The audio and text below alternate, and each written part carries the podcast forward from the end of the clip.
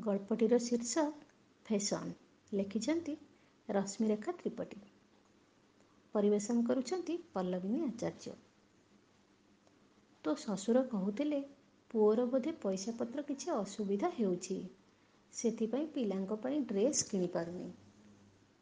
ତୁ ଏ ଟଙ୍କା ରଖ ବାବୁ ଓ ରୁନା ପାଇଁ ଭଲ ପୋଷାକ ନେଇ ଆସିବୁ ବାବୁ ସବୁଦିନେ ଚିରାଫଟା ପିନ୍ଧି ଯାଉଛି।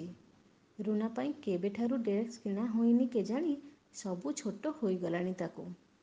ମୋ ହାତରେ ପାଞ୍ଚ ହଜାର ଟଙ୍କା ଧରେଇ ଦେଇ ଶାଶୁ କହିଲେ ବାବୁର ଫଟା ଜିନ୍ସ ଓ ରୁନାର ୱାନ୍ ଥାର୍ଡ଼ ଲେଗିନ୍ସ ଦେଖି ଶାଶୁ ଓ ଶ୍ୱଶୁର ମୋର ଭାବୁଥିଲେ ତାଙ୍କ ପୁଅ ଅଭାବ ଭିତରେ ଥାଇ ପିଲାଙ୍କ ଡ୍ରେସ୍ କିଣିପାରୁ ନାହାନ୍ତି ମୁଁ ନୀରବରେ ଧରିଲି ଟଙ୍କା ସବୁ କିନ୍ତୁ ତାଙ୍କୁ ବୁଝେଇ ପାରିଲିନି ଯେ ସେ ଯାହାକୁ ଚିରା ଫଟା ଡ୍ରେସ୍ ବୋଲି ଭାବୁଛନ୍ତି ସେ ସବୁ ଆଜିକାଲିର ଫେସନ୍